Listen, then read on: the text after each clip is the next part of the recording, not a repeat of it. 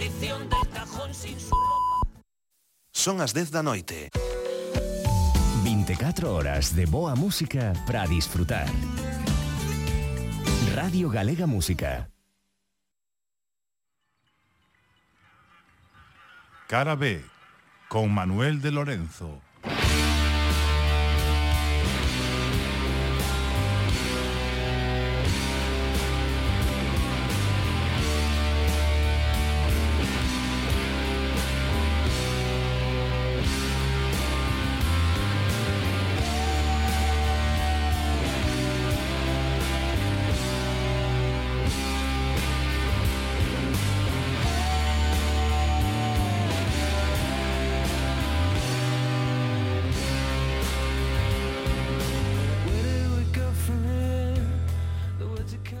boas a todos e a todas. Lembro perfectamente o día que descubrín a Radiohead, que é isto que está a soar de fondo, o grupo co que abrimos o programa de hoxe. Por algún motivo eu non lle prestara demasiada atención ao seu primeiro disco Pablo Honey, seguramente porque era moi neno cando saiu a venda, e ademais a canción Creep aínda tardaría un tempo en pegar con forza aquí.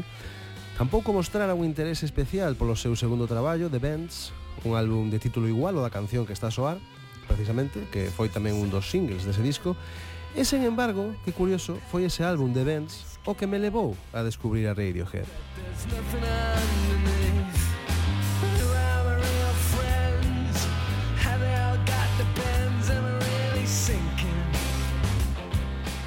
Lembro que se acababa de publicar o disco OK Computer, que foi o traballo que converteu a Radiohead nun fenómeno mundial, Ali se topaban as cancións Paranoid Android, Karma Police, No Surprises, escoitarémolas todas hoxe. Eran temas que soaban constantemente nas radios de rock.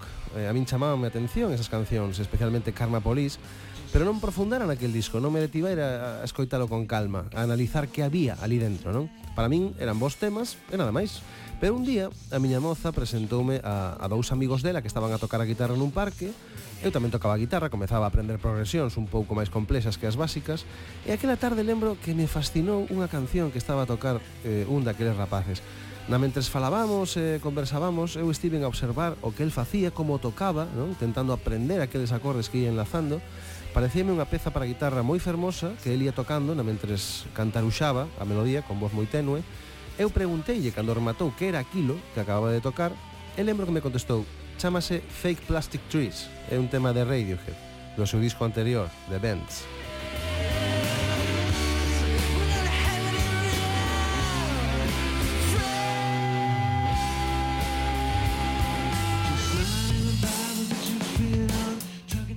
eu, como digo, non lle prestar atención a The Bends, non?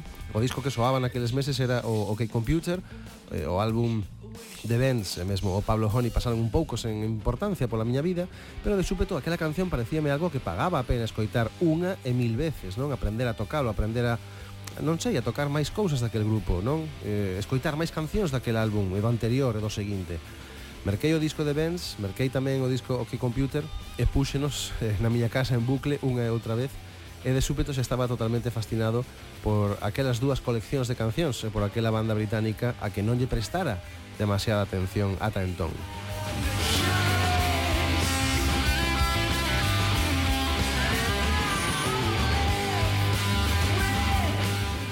E foi así como descubrín a Radiohead, polo menos na parte máis profesional, non? A que se atopa máis á vista, o lado que todo o mundo coñece. O que se refire a súa vida máis íntima como grupo, a parte menos coñecida da banda, o que acontece entre bambolinas, tardei máis en descubrilo. E agora topámonos aquí, precisamente para contalo, non? Para botar unha ollada ao interior de Radiohead para descubrir o seu lado máis oculto. Este episodio tratará justamente diso, de asomarse ás intimidades de Radiohead. E comeza xa mesmo, así que imos aló. Eu son Manuel de Lorenzo e aquí arrinca Cara B.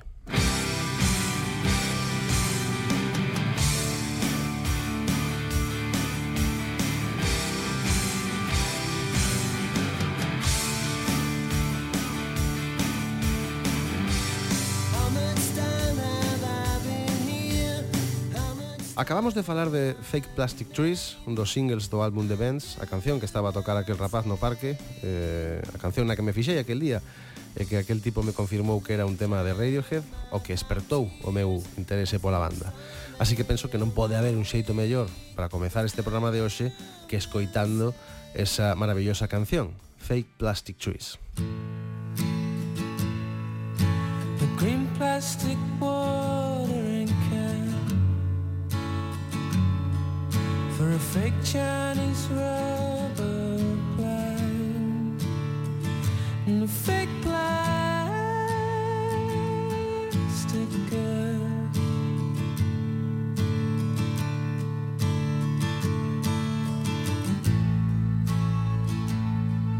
that she bought from a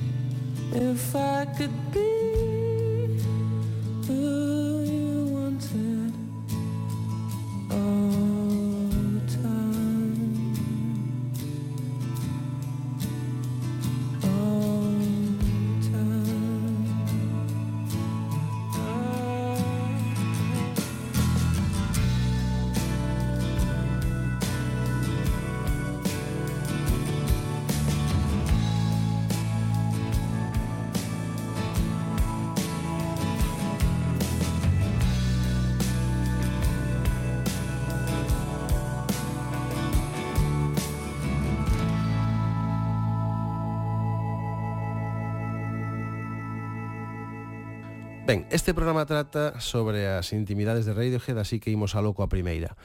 A finais do verán de 1992, Radiohead asinaron un contrato co selo musical Parlophone e puxéronse a traballar de inmediato na grabación do seu primeiro single, Creep, unha canción que mm, o vocalista e guitarrista da banda Tom York compuxera cando era un estudante de arte e literatura na Universidade de Exeter. A canción contaba a historia dun estudante ebrio que trataba de chamar a atención dunha fermosa muller que o atraía, Ao final, a súa autoestima non lle permitía dicirllo aquela moza. O guitarrista principal da banda, Johnny Greenwood, que forma parte do grupo xunto co seu irmán Colin Greenwood, o baixista, explicou que en realidade a canción estivo inspirada nunha moza que existiu de verdade moi atractiva a que Tom York seguía inexplicablemente, estivo a seguila durante dous ou tres anos rozando eh, o acoso, non? É eh, terrible. Eh, despois de vela por primeira vez durante unha presentación do grupo. Sentíase frustrado por non coñecela e por non sentirse capaz de falarlle e desfogouse compoñendo ese tema, Creep, que ten unha letra moi pesimista que di antes cando estiveches aquí non puiden mirarte os ollos, es como un anxo, a túa pel faime chorar, frotas como unha pluma nun mundo fermoso, gustaríame ser especial, es tan fodidamente especial, pero eu son desprezable, son un bicho raro, que di años estou a facer aquí, eu non pertenzo aquí.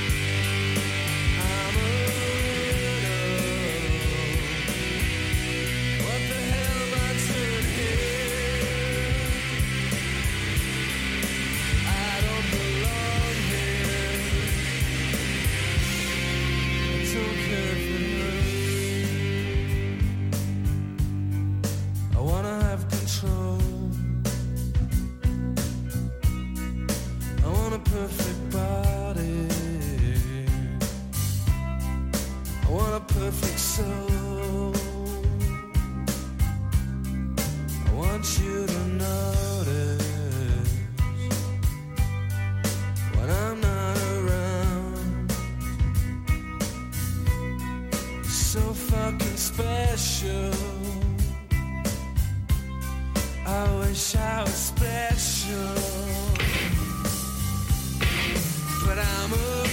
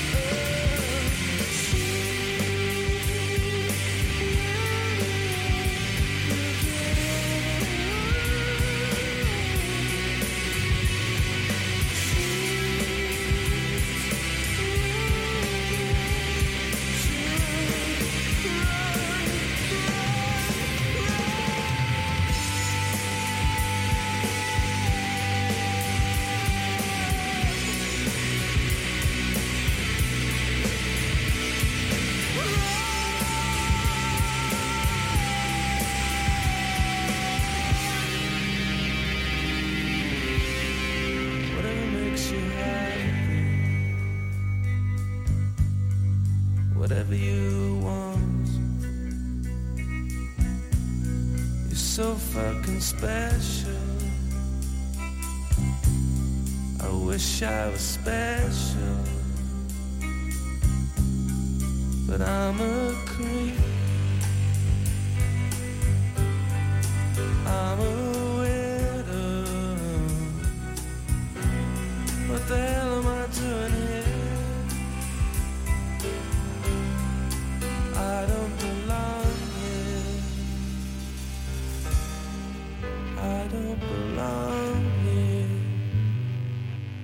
Hai un tempo fíxose viral unha falsa noticia sobre Radiohead que afirmaba que o público do Festival de Glastonbury aplaudira a banda de Tom York despois de que afinasen os seus instrumentos durante tres minutos crendo que se trataba dunha canción nova do grupo, non?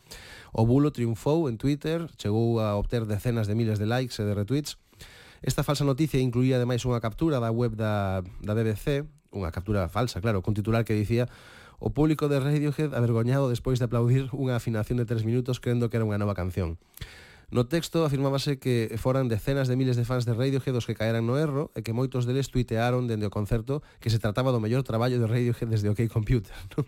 esa afinación de tres minutos. Eh, precisamente Radiohead celebraba nese festival de Glastonbury o vixésimo aniversario dese disco, OK Computer. E para tomar aínda máis o pelo, a falsa noticia afirmaba que un dos seguidores de Radiohead describira a suposta nova peza como minimalista pero tamén complexa, emocionalmente crúa pero aínda capaz de expandir os límites do que pode ser a música. é tremendo o que pode eh, chegar a pasar cando, cando un grupo é considerado como demasiado vanguardista non ou experimental. Isto é un claro exemplo de fake news, pero en realidade algo así sí que aconteceu hai case cinco décadas no histórico concerto por Bangladesh no Madison Square Garden de Nova York, organizado polo ex-Beatle George Harrison e polo músico indio Ravi Shankar. Xusto despois de que o propio Ravi Shankar e o seu grupo remataran de afinar os seus instrumentos, isto podedelo buscar en YouTube, gran parte do público do Madison Square Garden que non estaba familiarizado, claro, cos sons do sitar e das músicas da India, comezou a aplaudir. e Ravi Shankar eh, moi sorprendido, pois eh, achegouse o micrófono e dixo se apreciades tanto a afinación, espero que desfrutedes tamén do concerto.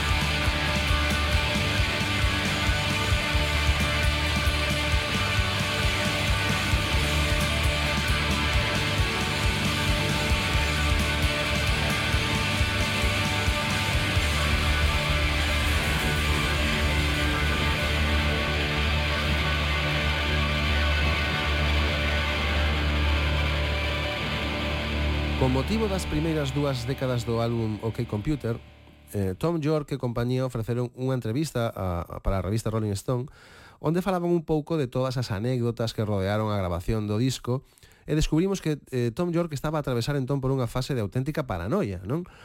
Eh, sobre isto, sobre o seu estado mental no momento de escribir o, o, o computer, comentou Eh, nese momento a persoa que eu vía no espello repetíame, es unha merda, todo o que fase unha merda, non fagas iso, é unha merda. Tom York conta nesa entrevista que revisando os seus vellos cadernos de hai 20 anos decatouse de que eh, no momento de escribir o álbum estaba completamente catatónico, non? Es en un sentido verdadeiro da realidade.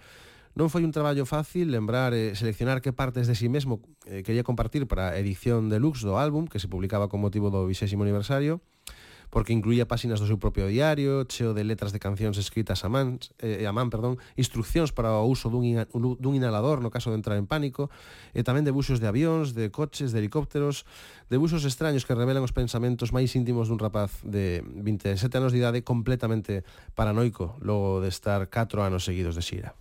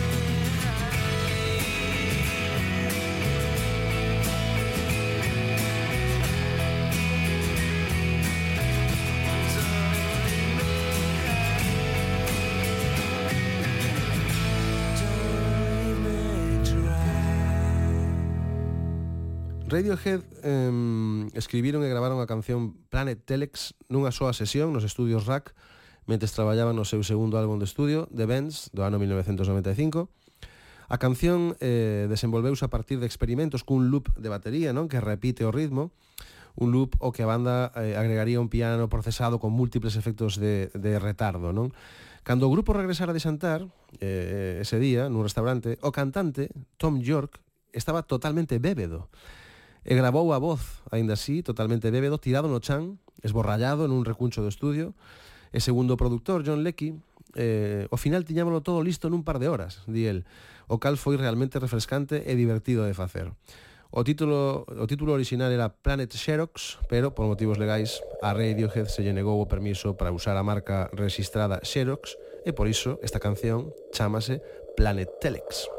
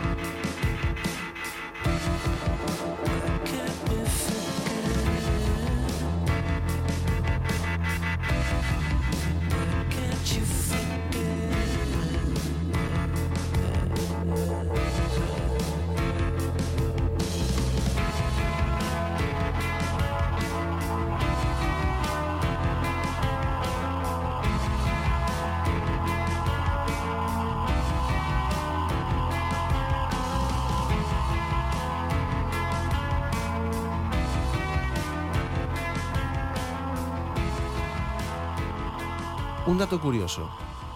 A canción Just, é unha das miñas favoritas de Radiohead, eh, atópase no disco de Bands, trata sobre un amigo de Tom York que estaba a resultar moi molesto para el, un amigo o que acabou desprezando, pero no terreo musical o máis curioso deste tema é que comezou con un concurso, como unha competición, non unha batalla entre o guitarrista Johnny Greenwood e o propio Tom York para ver quen era capaz de facer unha canción que tivese máis acordes. ¿Mm? Que curioso. E o resultado foi precisamente este. Just. Just.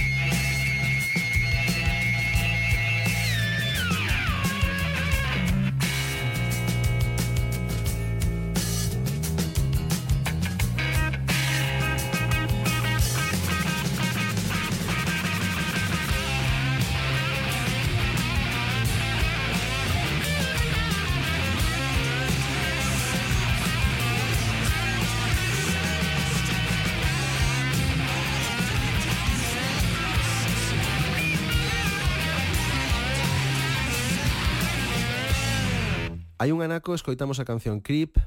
Ben, ese tema a Johnny Greenwood non lle gusta, nunca lle gustou. Cando comenzaron a ensaialo, cando comenzaron a tocalo por primeira vez, el pensaba que era demasiado lento e demasiado deprimente. De feito, o guitarrazo que se escoita no minuto 2 da canción foi un intento do propio Johnny Greenwood, do propio guitarrista, para sabotar a canción, porque non lle gustaba nada. E ao final, eh, Tom York tamén rematou odiándoa. De feito, a canción My Iron Lunch eh, trata realmente sobre o moito que odian Creep os militantes de Radiohead, non? Tamén escoitamos hai un anaco a canción High and Dry, Ben, neste caso é a Tom York a, a quen non lle gusta nada. Eh? Seguramente son dúas das cancións máis famosas do grupo, no? Creep e, e High and Dry, pois eles detéstanas, non? Sobre todo High and Dry, eh, desta canción Tom York dixo nunha entrevista non é que sexa mala, é que é moi mala. En fin, eh, nós non estamos de acordo para nada.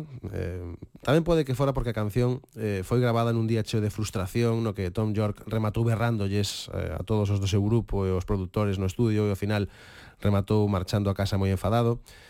Outras veces non é a canción o que non lles gusta, senón o título, por exemplo, eh, Street Spirit, Fade Out, e se chamar en realidade Three-Headed Spirit, porque Tom York basearase nun espírito de tres cabezas eh, sobre o que lera nun libro de Ben O'Keefe.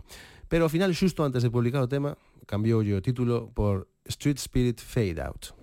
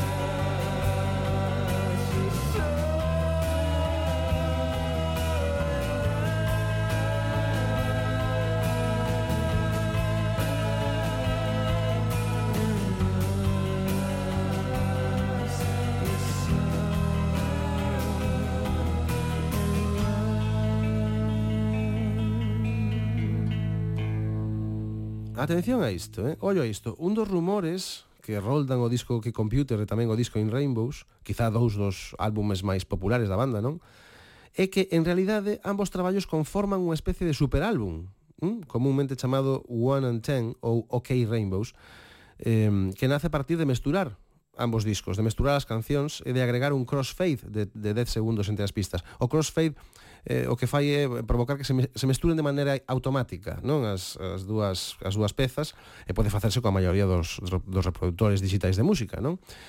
Isto, por suposto, eh, hai que facelo seguindo unha orde concreta de reproducción das cancións do álbum, que non vou detallar agora, Estas cancións iríanse alternando, encaixando así perfectamente unhas noutras, e supostamente este orden dos temas faría visibles correspondencias entre parellas de cancións en canto aos seus arranxos eh, musicais, tamén en canto ás súas letras, e isto destacaría o, o operar o crossfade, non? Entre os argumentos que sustentan esta relación entre os dous discos atópase que tras analizar as letras destas parellas de cancións podese notar que In Rainbows ven a desenvolver un pouco as ideas propostas en OK Computer, non? E que existe unha extraña coincidencia de uns e de ceros neste superálbum de Radiohead. Por exemplo, In Rainbows foi estreado xusto 10 anos despois que OK Computer e ademais foi o día 10 de outubro, o 10 do 10, non? Eh, ambos títulos conteñen 10 letras, tamén, non? Especificamente están formados por unha palabra de dúas letras seguida por outra de oito, non? In Rainbows, OK Computer. Eh, ademais, o título co que se ia publicar o disco OK Computer antes de ser acabado era Zeros and Ones, non? Ceros e uns, facendo referencia tamén ao sistema binario. En a portada de, do disco In Rainbows, o arranxo das letras eh, nas últimas liñas xera que as letras eh, I o asem, semellen dous deces, non? Ademais, In Rainbows ten 10 cancións, en fin. A mí o máis curioso de toda esta super, superposición de cancións é eh, o que máis me parece curioso é, é que hai que facer unha excepción cun tema porque non se corresponde con ningún outro, non? O sea, esa teoría está moi ben, pero de repente hai unha canción que non funciona. Esa canción é Karma Police.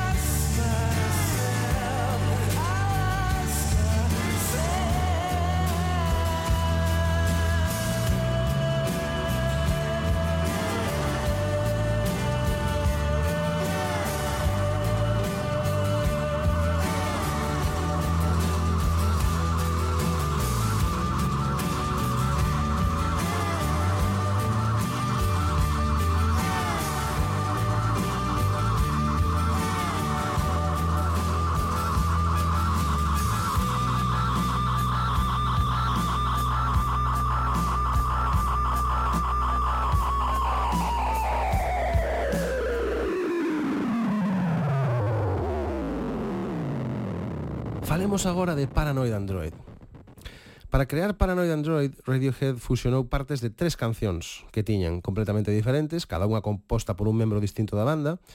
Esta idea de reunir os tres fragmentos e transformalos nunha soa canción inspirouse na forma e na estrutura da canción Happiness is a Warm Gun de The Beatles, Colin Greenwood confesou que durante a etapa de produción, cando tentaban que estes elementos soasen ben xuntos, cando tentaban formar unha canción única, eles sentíanse como mozos irresponsables, non? Que estaban a facer algo malo, xa que ninguén escribe unha canción de seis minutos e medio con tantos cambios, parecíalles ridículo.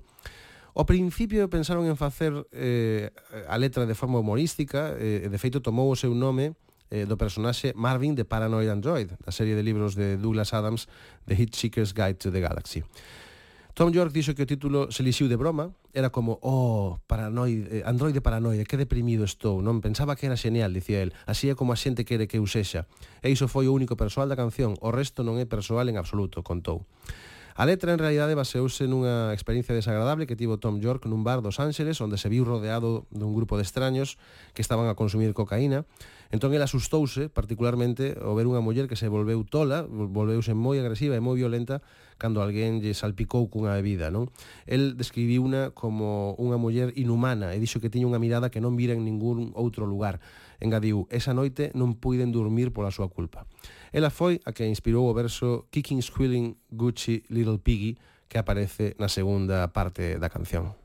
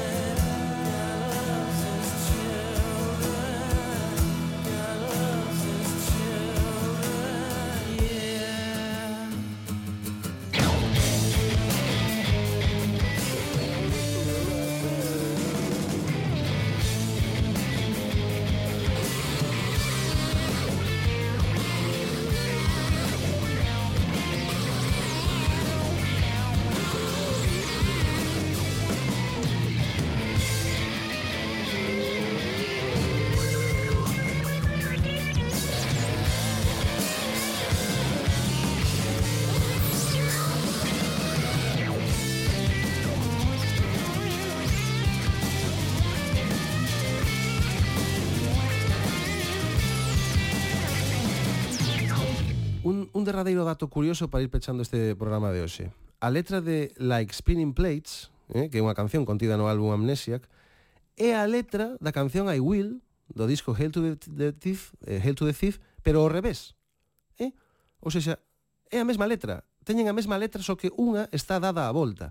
Esta idea xurdiu cando Tom York escoitou a voz nunha das primeiras versións de I Will reproducida ao revés e gustoulle tanto como soaba que aprendeuna eh, aprendeu a cantar a canción ao revés e grabouna do revés co nome de Like Spinning Plates para o disco Amnesiac. Que movida, eh?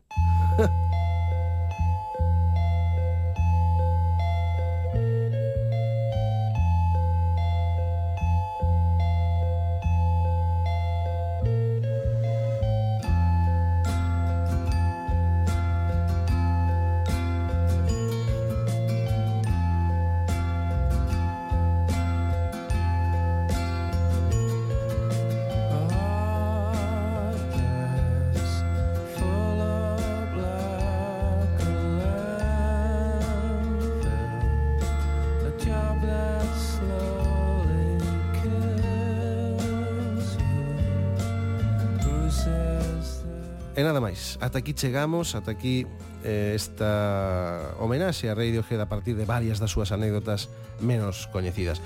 Como sempre, espero que desfrutarades tanto como a nós deste episodio de hoxe, porque a vindeira semana volveremos con máis relatos curiosos e máis música neste espazo sobre a letra pequena das páxinas do rock e do pop que se chama Cárade. Non vos esquezades, iso sí, de buscar o resto dos nosos episodios na plataforma radiogalegapodcast.gal en Spotify e no resto das plataformas de podcast. Un saúdo. Cuidadevos moito.